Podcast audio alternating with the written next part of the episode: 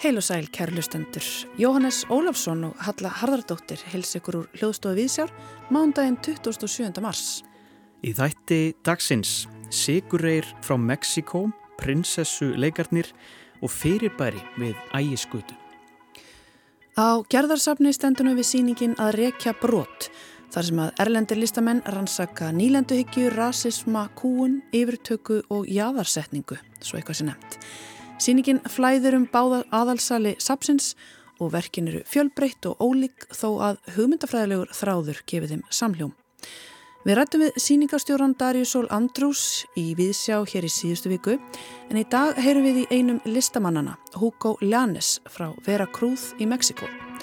Hugo flutti hinga til lands til að taka mistargráði myndlist árið 2018 og býr hér enn og leggur nú stund á umhverfis og auðlindafræði. Í verku sínum rannsakar hann oftar en ekki sprungur í pólitískum og félagslegum kerfum og nota til þess ímsa miðla. Við heyrum betur um það hér í þættidagsins. Fyrirbæri kallast stærðarinnar myndlistarými við ægiskötu sjö. Rekið af listamönnum og hýsir vinnustofur fjölbreyttra listamanna vel yfir 30 talsins. Þetta eru listamenn á öllum aldri með ólíkan bakgrunn og ólíka reynslu Sum er að taka sín fyrstu skref, önnur eiga langa nú farsælan ferilað baki. Í fyrirbæri er síningarsalur en þetta er líka vettfangur fyrir fólk til að kaupa samtíma list beint af vinnustofum listamanna. Við sjá leit við á ægiskutinni fyrir í dag og rætti við nokkra af þessum listamannum. Og Eva Haldura Guðmustóttir rínir í prinsessuleikana eftir Elfríti Jelinek sem síndir er um þessa myndir í borgarleikursunu. Og við hefjum þáttinn í leikúsunni í dag, þó ekki á ríni heldur ávarfi frá leikús listamanni. Og tilhefnið er ærið því í dag fögnum við alþjóðlegum degi leiklistarinnar. Sviðslista samband Íslands fær árlega sviðslistamann til að skrifa hugleðingu vegna þessa gleðilega tilhefnis. Og í ár er það leikarin og leikstjórin Ólafur Egil Egilson sem tók upp hennar og við gefum honum næst orðið. Leikhúsið er húsið okkar allra. Barnana, foreldrana, forfeðrana og þeirra ókomnu. Það er hús draumanna, hús andanna, hús líkamanna, hús mennskunnar. Það er hús inn í húsi, það er ekki hús. Það er hús fyrir allt sem var, er og verður. Leikhúsið er bæði gamalt og nýtt. Það byggir á hefðum gamalli arfleið sem hefur þróast frá því að við sátum fyrst við eldin og fórum að segja hvort öðru sögur, en leikúsið er líka nýtt, alltaf. Ekkert leikverk hefur verið leikið tvísvar eins, aldrei. Hver uppsetning er ný, hver síning er í rauninni ný. Þannig endur speikla leikúsið alltaf samtíma sinn. Í rauninni líka þegar það gerir það ekki. Ef við lítum í speil og sjáum að það vantar allt nema nefið, þá myndi aðtíklokkar ekki beinast að nefinu, heldur að því sem vantar og við myndum vilja ræða það. Þess vegna verða allar leiksýningar, allar speilmyndirnar sem brúðir upp, hversu ofullkomnar sem þar eru, hluti af samtali okkar við okkur sjálf. Samtali þar sem spurt er hvernig byrtumst við, hver byrtist, hvernig, hvað sést, hvað sést ekki, hver erum við? Og þetta samtal á sér stað millisalar og sviðs, sviðs og samfélags, samfélags og einstaklingana, einstaklingana og leikúsins. En það skrítna í þessu samtali er að engu er hægt að slá föstu, allt er á hreyfingu, ekkert er algilt. Ef að ég segi leikús á að vera pólitíst, þá kemur einhver annar og segir nei, einmitt ekki. Ef ég segi leikús á að vera fyrirmynd, sína allan fjölbreytileika mannskeppnunar og fegur þennar, þá kemur einhver annar og segir nei, þá að sína heiminn eins og hann er, ljótan og grimman og svo framvegis. Og það skiptir engu máli hver segir hvað. Engin hefur rétt fyrir sér og allir hafa rétt fyrir sér. En engin getur í rauninni sagt svona á leikúsið að vera og ekki öðruvísi.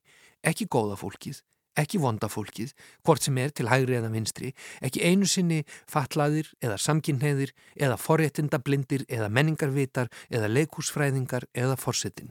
Engin. Listin og leikúsið er eins og kötturinn í kassa heimsbyggingsins sem er bæði dauður og lifandi í senn.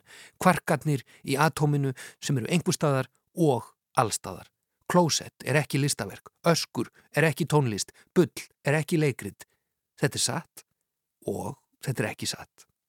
En þó það verði aldrei neyn niðurstaða og ekkert sé beinlinis rétt og ekkert sé ránt, þá skiptir samtalið samt máli. Það skiptir öllu máli. Það er partur af speikluninni eða ekki speikluninni og því ber að fagna og það ber að virða. Ef einhver segir svona á ekki að gera í leikúsi, þá er ekki hægt að svara jú víst eða við vorum ekki að gera það eða má nú ekkert, þá miklu frekar að svara hvers vegna. Hvers vegna ekki? Hvernig? Hvernig ekki? Akverju? Akverju ekki? Segðu mér, er það? Nú, já, þú meinar, ég skil og svo framvegis. Það er samtal. Og það verður að eiga sér stað í heiðarleika, kærleika og auðmíkt á alla bóa og gagvart öllum sjónarmiðum. Gagvart öllu og öllum. Af því að ef það er hægt að tala um tilgang með þessu öllu, leikúsinu og lífinu eiginlega, þá hlýtur það að vera að sína og sjá, að segja og heyra, að tala saman, að tala í alvöru saman og skilja. Það er mennskan. Það er leikús. Ólafur Egil Egilson flutti hér ávarp í tilefni dagsins en í dag, 27. mars, er alþjóðlegur dagur leiklistarinnar. Takk fyrir þessa hugleðingu, Ólafur Egil. Og áfram höldum við með þáttinn, nú höldum við í Kópavók og inn á Gerðarsafn.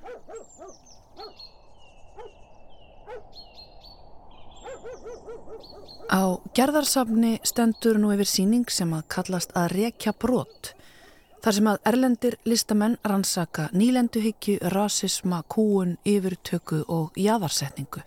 Með því að rekja brot sinnar eigin sögu og sjálfsmyndar rannsaka listamennir um leið stöðu sína í samfélaginu og setja fram á fjölbreyttan hátt.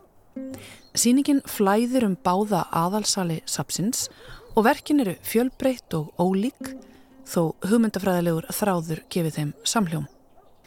Darja Sól Andrús er hugmyndasmiður og síningarstjóri síningarinnar og við rættum við hanna í viðsjá hér í síðustu viku.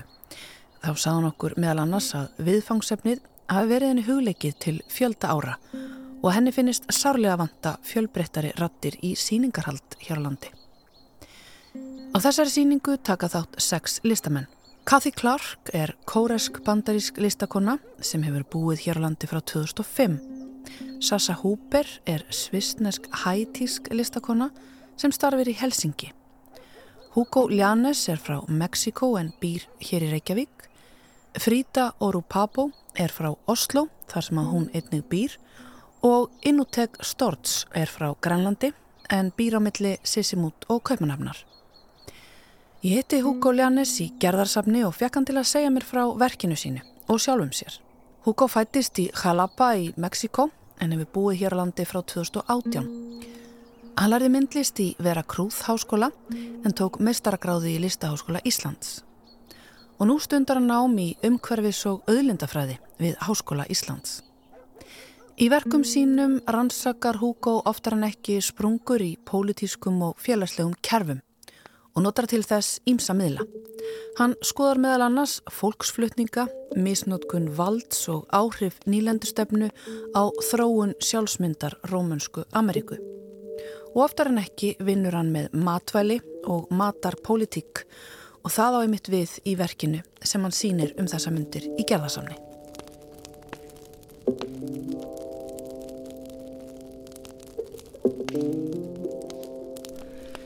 Uh, my name is Hugo Janes. I'm an artist that has been in Iceland working since 2018. Um, and uh, I'm originally from Jalapa, Veracruz, Mexico, which is in the it's located is the capital city of Veracruz state, and actually. Uh, the works here depict the land there, depict the agricultural industry from my region, and uh, that's part of my work. Actually, uh, I tend to talk about political matters. In this case, for the museum, um, my work focuses on depicting a memory, illustrating a memory that I had when I was a kid, uh, in which I experienced the falling of what I call at that time the black snow. Verkið hans Hugo kallast Dulce como amargo eða Japp sætt og beist og er tekið upp á heimaslóðum hans í Veracruz í Mexiko. Hann segist draga fram landið, landslægið og landbúnaðar framleiðsluna í verkinu og minningu úr æsku en með aðstóð upptökuvéla, ljósmynda og leikmyndar sviðsetur Hugo töfrandi minningu úr æsku um svarta snjókomu.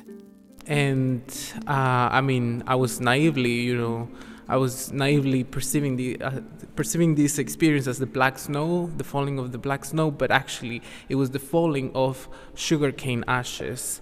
That uh, I mean, one of the parts. Hugo segir að hann hafi í barslegu sakleysi sínu trúa því að á hann hafi fallið svartur snjór en í raun og veru var þetta aska frá nærlikjandi agri þar sem veri var að kveikja í sigurrei. Ein af aðferðunum við að uppskera sigurrei til að geta framleitt sigur er að brenna hluta landsins.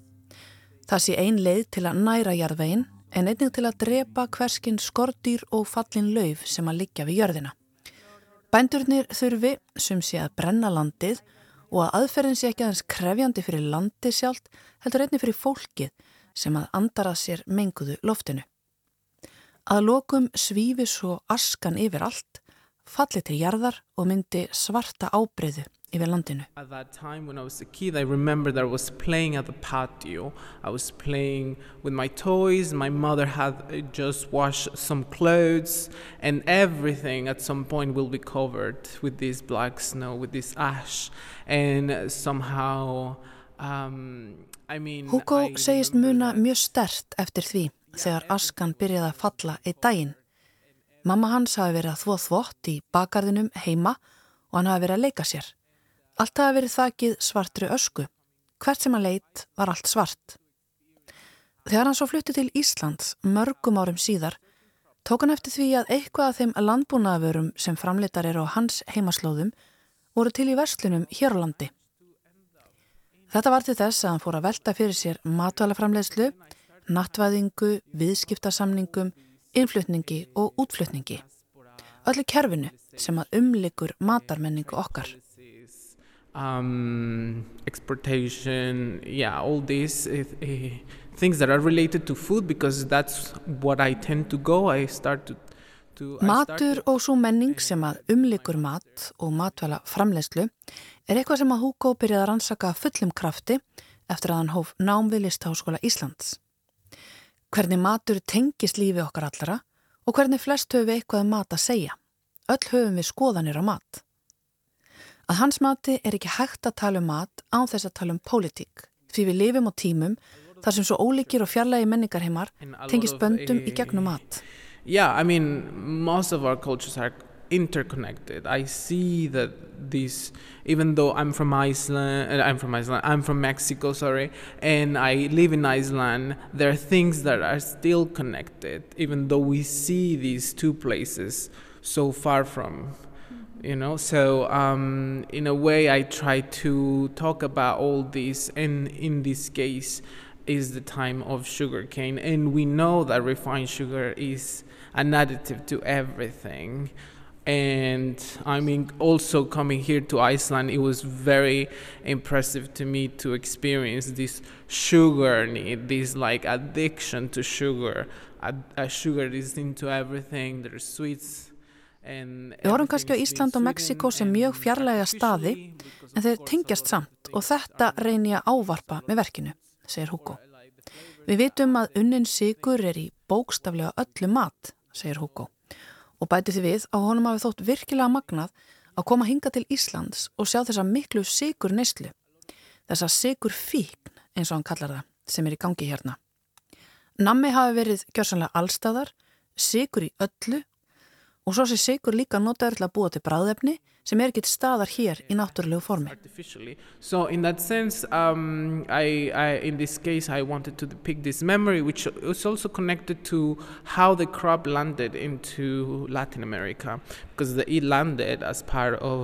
Einnig segist Hugo hafa langa til að fjalla um hvernig Sigur er kom til Rómusku Ameriku, en svo saga er samtvinnuð komu Spánverja og nýlenduvæðingu álfunar.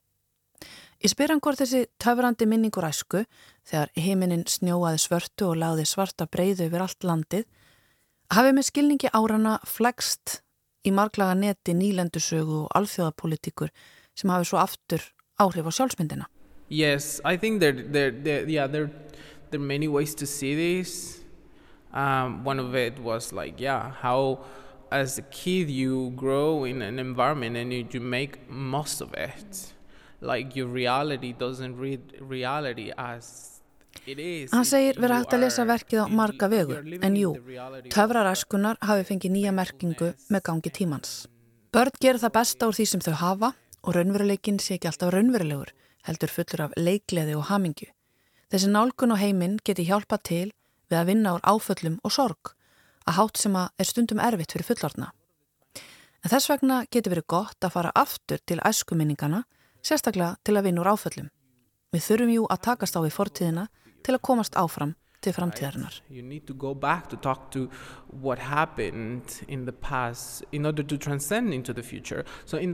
Verki sjálft er þryggja rása vídeoverk þar sem að Hugo hefur meðal annars endurbyggt æskuheimili sitt í vera krúð. Á einum skjánum hefur hann sviðsett bakarðinn þar sem hann uppliði svörtu snjókomuna með hjálp ljósmynda úr myndaalbumum fjölskyldunar. Einnig hefur hann sviðsett snjókomuna með hjálp tekninga og tölvetakni og einum stað í vídeoverkinu ferðast áhörfandin inn í eitt snjókorn og aftur út úr því. Á öðrum skjá sjáum við bændur að störfum á sigur agrinum og svo bálið og öskuna þegar sigureyrin er brendur og undir myndunum hljómar frumsaminn tónlist. Flor de pluma blanca Baila el tiempo que te queda con el viento. Tónlistin er samin af Hugo í samstarfi við vinkonu hans frá Vera Krúð og sem er sérfræðingur í þjóðlaga hefð svæðisins. Tónlistin eru stef og vísanir í þekkt þjóðla frá Vera Krúð sem fjallar er mitt um Sigureyrin. Flor de pluma blanca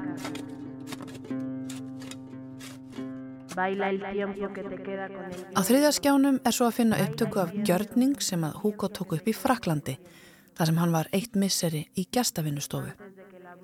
Í gjörningnum notast hann við ösku frá vera krúð, leifatnar af siguririnnum sem var brendur í fyrravídjónu, lætur hann að falla á líkamassinn sem er klættur í kvít fött, skjanna kvít eins og þvotturinn sem móður hans þvoði, daginn sem að askan fjall.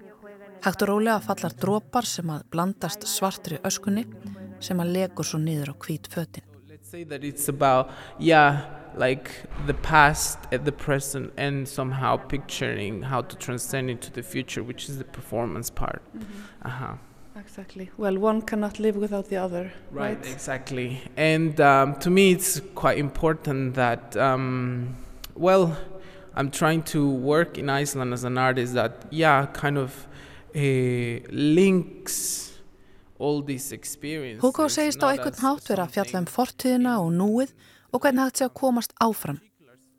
Sem starfandi linstamæður hér landi vilji hann skoða þessa reynslu og sína hvernig hún hafi vægi, ekki bara að vera krúð heldur líka hér á landi.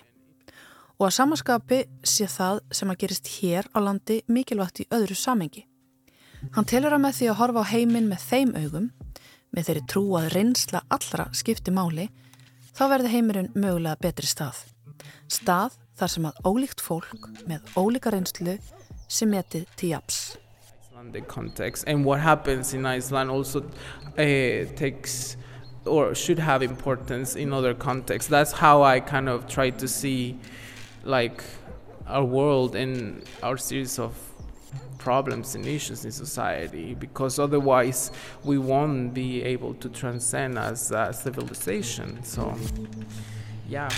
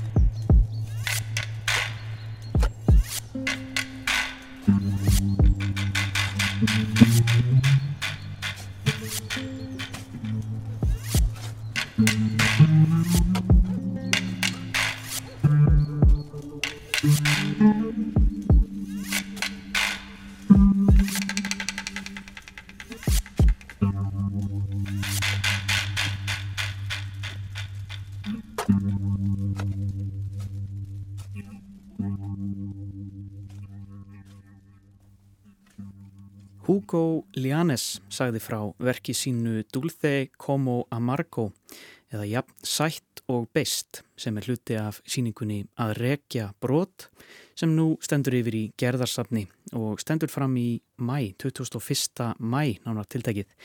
En e, þá er komið að leikhúsrýni. Eva Haldúra Guðmundsdóttir fór að sjá prinsessu leikana í borgarleikhúsinu og hún tekur nú við. Einn helsti kostur leikhúsins er hvað auðvelt er að hverfa inn í annan heim með hjálp þess. Þar blandast allir helstu listmiðlar saman í einastóra upplifunarsúpu sem nærir sálina. En ef menn vilja er hægt að nota leikhúsið til að vekja fólk til umhugsunar, skapa meðvutund um margskonar óréttleiti með því að velta upp ímsum myndum sem örfa eða augra heimsmynd áhorfandans eða ég vil hrista upp í fólki með því að einfallega að reyta það til reyði. Ég var engar spennt að sjá verkið Prinsessuleikana sem frumsýndir voru um liðna helgi í uppsetningu borgarleikusins. Ekki síst vegna þess að ég vissi lítið um verkið og var spennt fyrir æfinterlegu kvöldi. Prinsessuleikarnir eru eftir Nobelsverðluna skaldið Elfríde Jelinek sem er líklega þekktust fyrir skaldsugur sínar Pianokennaran og Losta. Handreiti leikritsins var upphaflega skipt í fimm hluta og fjallar hver um sína prinsessu. Í þessari uppsetningu eru sviðsettir þrýr kaplarverksins. Kapli um Mjallkvíti sem leikin er af Birgitu Birgistóttur, Þyrnirós leikin af Völu Kristínu Eriksdóttur og að lókum kapli um Jackie Kennedy sem Solveig Arnarsdóttir leikur. Í hverjum kapla byrtast prinsessurnar áhöröndum og segja sögu sína, mæta prinsum sínum og sjálfum sér. Jelinek notast við góðsögnuna um prinsessuna til að setja spurningamerki við hugmyndir okkar um konuna og kvenleika í dagurmenningu. Bjarni Jónsson þýðandi verksins ræðist ekki á gardin þar sem hann er lagstur. Jelinek er þekkt fyrir einstakka nótkun á tungumálunu og því ekki gefið að snara þessu verki á íslenska tungu. Bjarni á hróskilið fyrir einstakka tilfinningu fyrir flæði í teksta. Hann raðar orðunum listilega vel saman og kemur marglega tólkunar möguleikum tekstans vel til skila. Einhver staðar las ég að Jelinek veri óþýðanleg og því getur Bjarni ekki einungis start sig af því að hafa gert þið ómögulega heldur einnig að hafa gert það virkilega vel. Umgjörðverksins er eins og ævintýraskóur á LSD. Leikmynd og lýsing Mírek Kasmarek er hlaðin tákmyndum. Bíl sem situr klestur á sviðinu er vísun í díunu prinsessu. Hárkolla úr kendúkum vekur upp hugsanir um karlmennskuna og gagsæ líkista sem vísar í döðleik okkar. Mjúk áferð trjána er í algjöri andstæðu við glansandi sléttanlækin sem liggur kræklótur á sviðinu. En allt er óþægilega gerfilegt, eins og gerfi útgáfa af gerfinu. Í lýsingu eru notaðir æfinterlegir litir og er það í góðum takti við tónlistið og dramaturgíu verksins. Hljóðmynd Gíslagaldurs Þorkirssonar laumaði sér aftanaðmanni og ítti undir ónótalegar tilfinningar eða var virkilega gjöful á skoplegum augnablikum. Til dæmis þeirra óræð hljóð heyrast yfir kapla mjallkvítar sem myndu á þeirra eppli er tuggið. Ævintýralegt andrumsloftið verður greinilegt þegar við heyrum fugglasöng og senur eru sprengl hlægilegar þegar lögur popkultur eru nýtt til að íta undir og styrkja tólkun á teksta eða upplifun af personum. Leikópurinn býður upp á margvíslega tólkun með núansunum í leik og sköpun á undirteksta. Þau bjóða okkur upp á skópstælingu af stereotypum en einni ákveðna dýft. Jörundur Ragnarsson er einstaklega fyndin sem hinn sjálfum gleði prins í kaplanum Þyrnirós og Bergur Þór Ingólfsson hoppaði millir þess að vera ógeðfeldur veiðumadur, sexy tvörkari og mjúk Marlin Monroe eins og ekkert væri sjálfsæðara. En leikonur verksins unnu þrekverki með þennan flókna og djúbstæða teksta. Birgitta, Vala Kristín og Solveig ná að tengja okkur haglega við samtíman og vera allt í senn einlegar, óbærilega fyndnar og óviðfeldnar en þær eru nánast aftengtar eigin orðum og fjarlæg þeirra frá personunum áþreifanleg enda fjarlæðin með ráðum gerð. Það skapar einstaklega spennandi leikósupplifin. Sama er hægt að segja um Unu Þorleifstóttur leikstjóra verksins og sagt var um Bjarnafyrir þessum texta.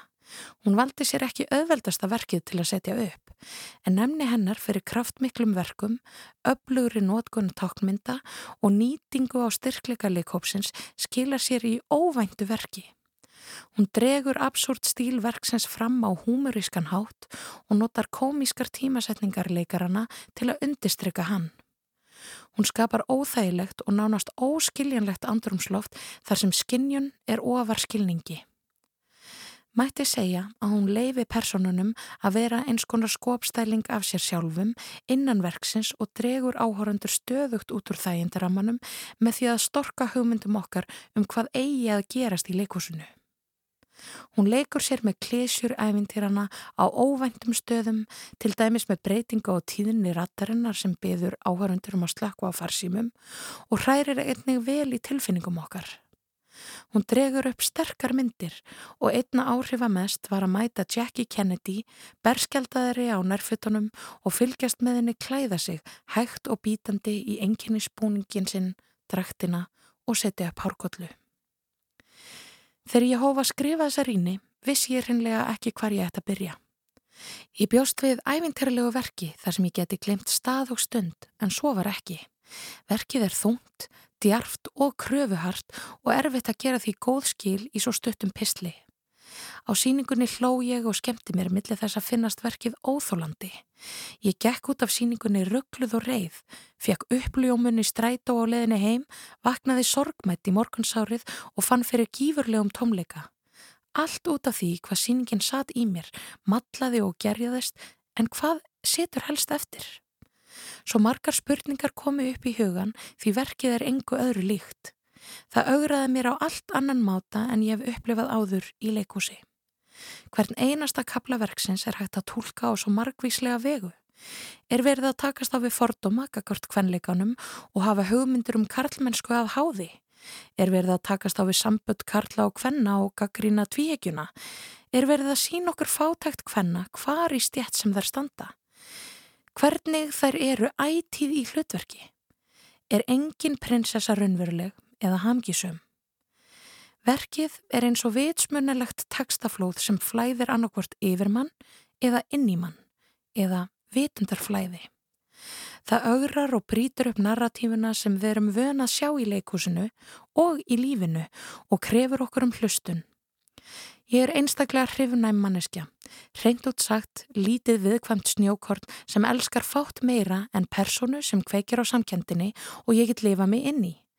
Mér langaði að tengjast prinsessunum en var haldið í fjarlæð frá personum verksins. Verkið krefst þess af áhorfandanum að hann horfi með gaggrínum augum og kerfi prinsessunar í stað þess að upplifa losun. Við fáum ekki hvað þarsis heldur augrar hún hugmyndum okkar um sögukvenna allra hvenna. Við erum vön því að verða að samsama okkur með konunni til að halda með henni. Við þurfum að fá ástæðu fyrir samsömuninni og samúðinni ólíkt karlmanninum sem hefur frásagnarvaldið. En í prinsessuleikunum þurfum við raunverulega að horfast í augu við stöðu hennar og sjá þær bresku manneskjur sem búað baki ímyndinni. Manneskjur með ákvarðanavald sem búa í kynjakerfi sem skrifar söguna fyrir þær. Það gerir verkið óþálandi og frábært á sama tíma. Áhörundur mæta prinsessunarratífinni sem feðraveldið viðheldur. Prinsessunar fara í gegnum eins konar þroskaferðli sem veldur því að þær hætta að fylgja reglum leiksins. Prinsessunar setja spurningamerki við sögu sína og hvaðan hún kemur. Þær er ekki lengur brotættar hvernpersonur í ringiðu feðraveldis frásagnar, heldur í flæði, augrandi og hugsandi. Saði Eva Haldura Guðmustóttir um prinsessuleikana eftir Elfríti Jelinek í leikstjórn Unu Þollefsdóttur en prinsessuleikanir eru síndir um þessar myndir í borgarleikúsinu. Og þá haldum við aftur út í bæ. Já, við ætlum að halda niður á ægiskötu á fund við nokkra listamenn í fyrirbæri myndlistarými sem að stendur þar við ægiskötuna. Ég byrjaði að ræða við manneskuna sem að segja má að hafi opnað gáttir fyrirbæris Katrínu Ingu Jónsdóttur Hjördísadóttur. Katrín Inga, hvað varst að skrifa hann upp á töflu?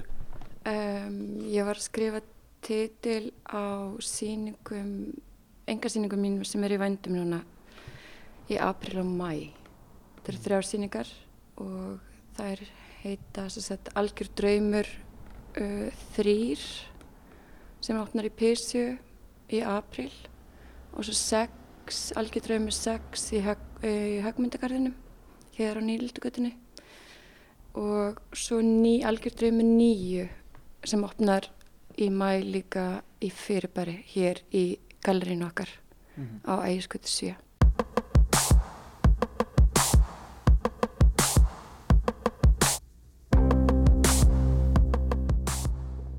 Við erum stættina núna í vinnustónu minni en hér eru aðri listamenn líka, alveg fullt, yfir 35 listamenn og, og allir deila sagt, um, þessu, þessari byggingu. Sumir eru með uh, enga vinnustofur, prívat vinnustofur og aðri eru með vinna í opnum rýmum og svo eru við með galleri og, um, og mér langar svo að vekja aðtikli á, á söfnunarverkefni sem við stöndum fyrir en það er á Karlífönd. Það er svolítið áhugavert út frá svona samingi list samfélagsins í, því, í þeim skilningi er að þeir sem styrkja uh, fyrirbæri gegn Karlífönd um, geta sér sett keift uh, samtíma myndlist mm -hmm. eftir ímsa listamenn. Þetta er svona eins og þetta er svona kannski eins og við hefum bara flutt síningaskrána inn í söpnunarverkefnið mm. á Karlinfönd þannig að þú þannig að um leið og þú vilt um, um leið og þú tekur ákveðinu um að styrkja þá getur þú valið verk sem þú vilt kaupa og þetta eru verk sem hafa verið sínd á söpnum eða galleríum þannig að þetta er svona svona tækifæri til þess að uh, tækifæri til þess að fjárfæsti í samtímumyndlist og, og styrkja um leið stóðir uh, vinnustofi listamanna Þannig að ekki bara vinstofunar heldur líka listsköpun hvern og eins listamanns. Já. Og myndtökvarfélagið er hérna, er hérna bara næsti nágrann ykkar þegar það sést hérna yfir á nýlandugutunni. Er þetta, er þetta eh, einhvers konar ángi eða framlenging af því starfi? Hvernig er samstarfið hérna á milli? Það er rosalega hérna gott og, og, og fyrirbæri væri faktist ekki til nema vegna myndtökvarfélagsins um, vegna þess að, að við erum sagt, flest í myndigrafélaginu að vinna um, reglulega og ástæðan fyrir því að okkur langaði að, að skapa okkur vinnustofi hér er vegna þess að við nýtum verstæði myndigrafélagsins uh, reglulega. Þetta er eitthvað svona, svona fullkomi samingi fyrir uh, okkur sem, sagt, sem hér vinnum að geta haldið áfram að vinna uh, reglulega í myndigrafélaginu en, en, en uh, noti góðs að æskuti sjö með uh, vinnustór, eða prívat vinnustór mm. og geta verið að flakka milli. Þannig að það er, það er, já, þetta er einhvern veginn svona, já við værim ekki hér nema vegna myndugrafélsa, einhver leiti sko, mm. af því að, að þetta var það sem við vorum einhvern veginn að, að, að sækist eftir, vinnustofu nálagt myndugrafélaginu. Þið deilið sama díana? Algjörlega, við erum allavega einn stór fjölskylda. Þetta er eitthvað svona, einhver tenging sko.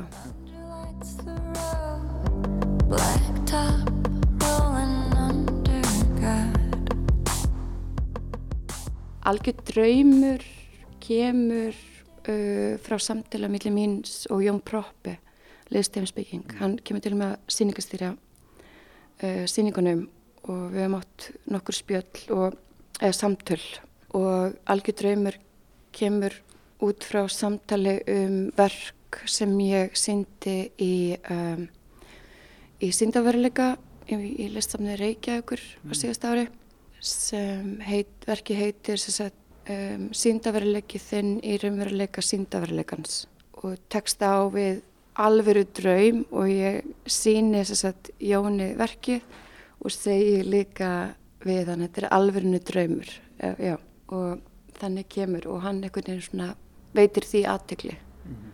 og vorum rosa mikið einhvern veginn að velta fyrir okkur hvernig þessi raunveruleiki byrtist okkur. Eða mhm. svona, já, hvað er það? Er hann til, þú veist já. er þetta ekki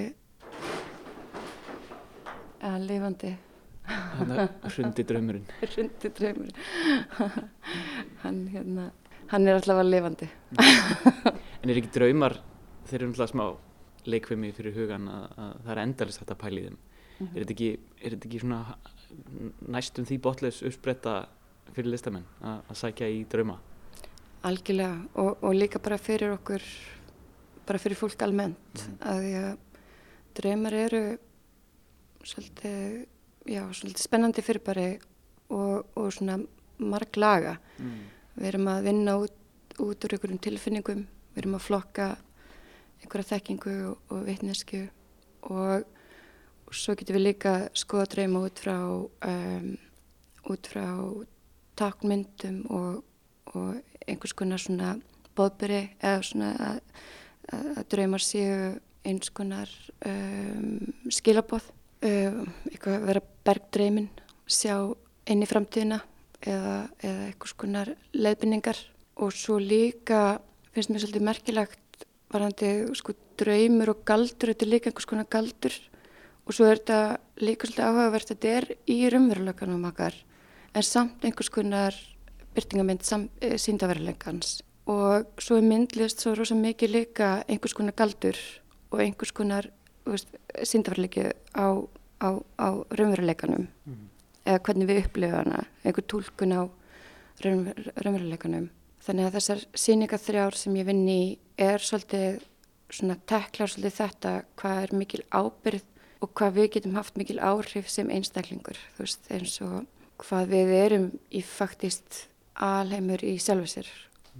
Og eins og bara með myndlistin og listina þú veist hvað, hún er göldrótt eins og gjörningaformið, þú veist við erum alltaf einhvern veginn að, að galdra eitthvað fram og, og bera einhvern veginn ábyrð á því sem við setjum út í heiminn.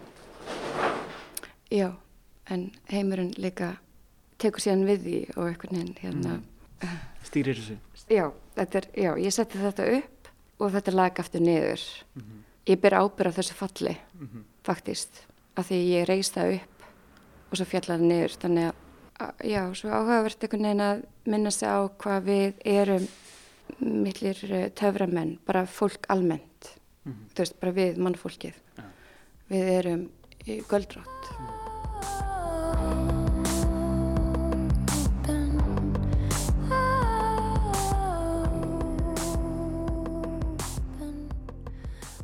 Anton Lingdal heiti ég uh, a.k.a. Mr. Awkward Show, a.k.a.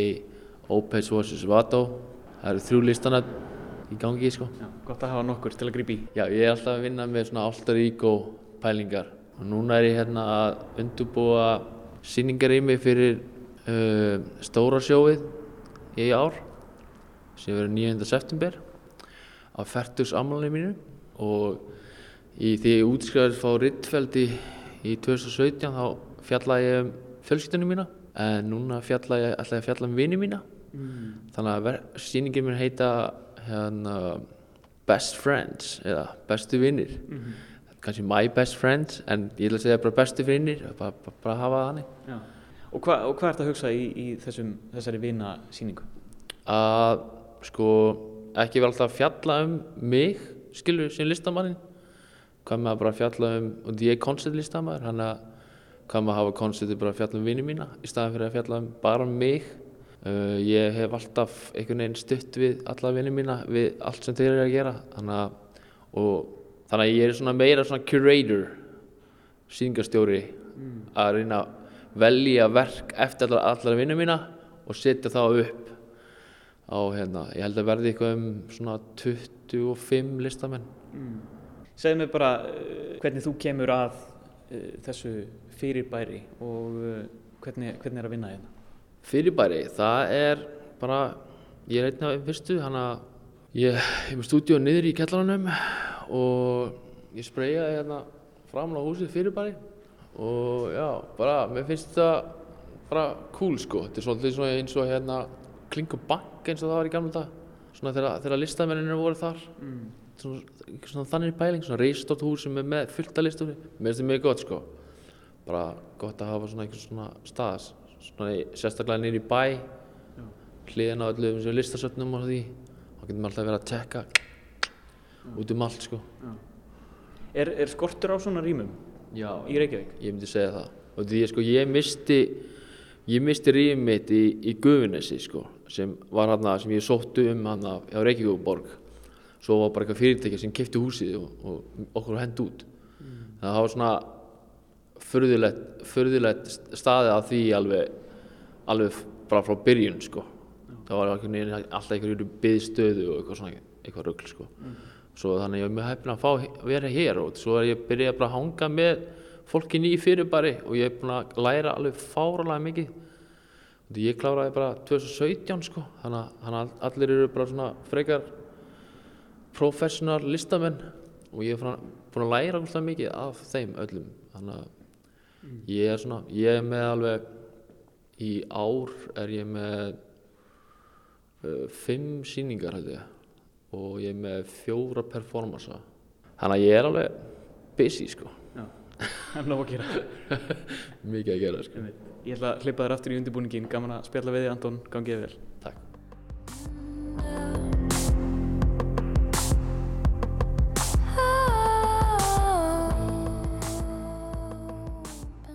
Já, ég heiti Olga Bergman. og ég heitir Anna Hallin og li- myndlistamæður. Olga er aðalega í tré og ég er aðalega í leir en svo gerum við líka uh, animations saman og, hérna, og stundum vinnum við saman líka. Við gerum hérna verk fyrir Holmseiði nýja fangilsitt, út, útilistaverkin þar. Þá vann við alveg saman en hérna núna undanfarið það við verið svona sína saman, teflaði saman en með hvort sitt verk. Mm, Olga, hvernig, hvernig mætist eh, leir og tré í listinni? Bara ótrúlega vel. Við reyndar, við sem deilum þessari vinnustofu hér Mm. og höfum gert, uh, deilt vinnustofum lengi og, og starfa saman á alls konar verkefnum í, búum saman alltaf. Svo að, já, við hérna, það er kannski svipaður hu- hérna, eitthvað formskinn eða hugarheimur eða einhver efnistök sem að tengjast, sko. Aðferðfæðin sem ég beit er ég eh, sapna svona þegar verið að fella trí og, og, og, hérna, og með þess að sorpu þá fæ ég að hyrða hérna, trjátrömba. Svo er eitthvað sem ég kalla fram e, úr hverju stykki og svo er glíman hjá mér svo að, að, að setja sér annars konar hluti saman. Þetta er eiginlega hálfur kollas eða samsetningar. Já. Já, svo maður hérna, mótar og tekur af, skerir sundur, skeitt saman aftur, þetta er svona ákveðin prósess. Og hjá þér þannig meira að byggja, er það ekki? Jú, ég er bara að hugsa hérna að þau bara sína þessi hér, nú sást það ekki upp í það. Já. Hérna svona ekta sem Olga er að hýrða. Stórir trjátrömbar. Já, hérna sem eru aðeins uh, þotnar. Um, en það sem er samanlegt með þessi tvei efni er það eru svona lifandi efni. Mhm. Það hefur sin eigin rödd og svo blandast það með manns eigin myndlistarödd, myndlistamæður rödd og mann getur stjórna ekki 100% hérna, og það er kannski það sem er líka svo lítið gaman að mm. það, hérna, mann man er að reyna, reyna að móta og stjórna og svo þarf mann líka hlusta með, með efninu. Já, með ekki móti og það er kannski það sem ger með það lengri mann er að vinna í myndlist mann, mann kannski þóru meira hlusta. Þannig að Olga er þá með trí þannig að það er svona sem tengis nýður og upp í híminn, tríð og ég er meira kannski af allir fjórum þannig að ég grafa jörðina og fílar ánamaskar og fílar þetta ringrás líka. Minnst að með leirin þannig að sem Donna Haraway segir we all compost. Þú veist það finnst mér núna rosalega heillandi og gefur mér svona huggun líka þessi ringrás í eitthvað svona starri samanhengi kannski líka núna allt er svona skrítið og á kvolvi í heiminn og mann veit ekki neitt hvað við erum stefna.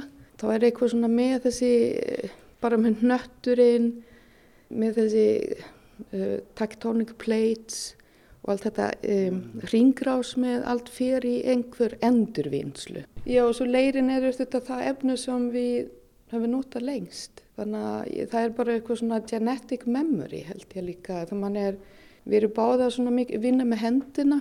Það hefur eitthvað þörf fyrir því og ég menna samt, ég menna við gerum svona animations og setjum í tölvuna og eitthvað svona líka en þetta að vera bara í, í gallan og í vinnustofan og, og bara vinna og líka vera hérna á þessi æðislega nýja komplex hérna e, gerir lífið svona skemmtilegra hmm. mm -hmm. Olga, hvernig eh, er fyrirbæri? Hvernig, hvernig rými er þetta og hvernig er að vinna hér? Það er mjög skemmtilegt við hefum svona verið með meira minna frá upphafi og, og hérna erum við þessari flottu vinnustofu það er mjög svona skemmtileg blanda fólki aldrei uppruna og hérna og svona líf og fjör hérna, sem er inspirerandi mm. og við erum hægt annaðar En líka þetta hvað er mikilvægt fyrir okkur minnlistamenn að hafa vinnustofur sem, man, sem er nótæft og er ekki bara kompur líka utan bara nöys, mjög nöysanlegt til að Já, svo erum við meðlumir í myndugrafélaginu og það eru næstu nokkrannar okkar sem það getur bara hlaupið hérna 100 metra þegar maður þarf að fara að verstaði og svo á milli það er aðeinslegt sko. Já, þetta er orðið algjör eh, svona miðbær hérna, Já, myndlista miðbær höfbi og miðbær og, er, og þetta hús er svolítið tilfinningin í þessu hús er eins og sé fætt til þess að vera hérna, húsnaði fyrir listamenn Hvernig er streytustíði núna? Er þið að vinnað ykkur, ykkur miklu eða er bara í róli héttunum? Nei, það er alltaf nógu að gera sko. Við vorum sérst að klára í gær, það var síðast síningadagur á síningu sem að við höfum verið unnið unni, aðnallum skeið og svo er við undirbúið á fleiri síningar í sumar. Það er sér stóra síning í Finnlandi og nokkra síningar hérna út á landi. Það er alltaf nógu að gera. Já. Takk fyrir spjalli, ég ætla að hleypa ykkur aftur inn á, á vinnustofuna. Gangi ykkur vel. Jú, okay, takk, takk fyrir. Takk.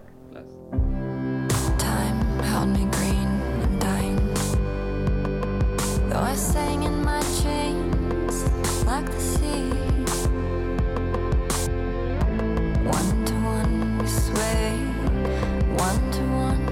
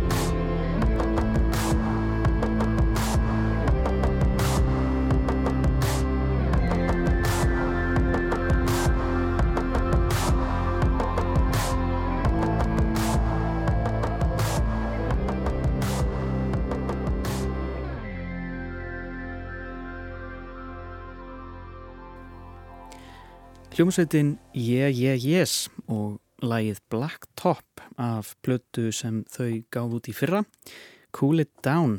Þetta var leikið eftir heimsókn í myndlistarímið Fyrirbæri. Við rættum þarna við Katrínu Ingu Jónsdóttur Hjördísadóttur, Anton Lingdal, Önnu Hallin og Olgu Bergmann. Já, virkilega áhugavert fyrirbæri þarna við ægiskutuna og á þessum tónum endum við þáttin í dag. Takk fyrir að hlusta og verið sæl.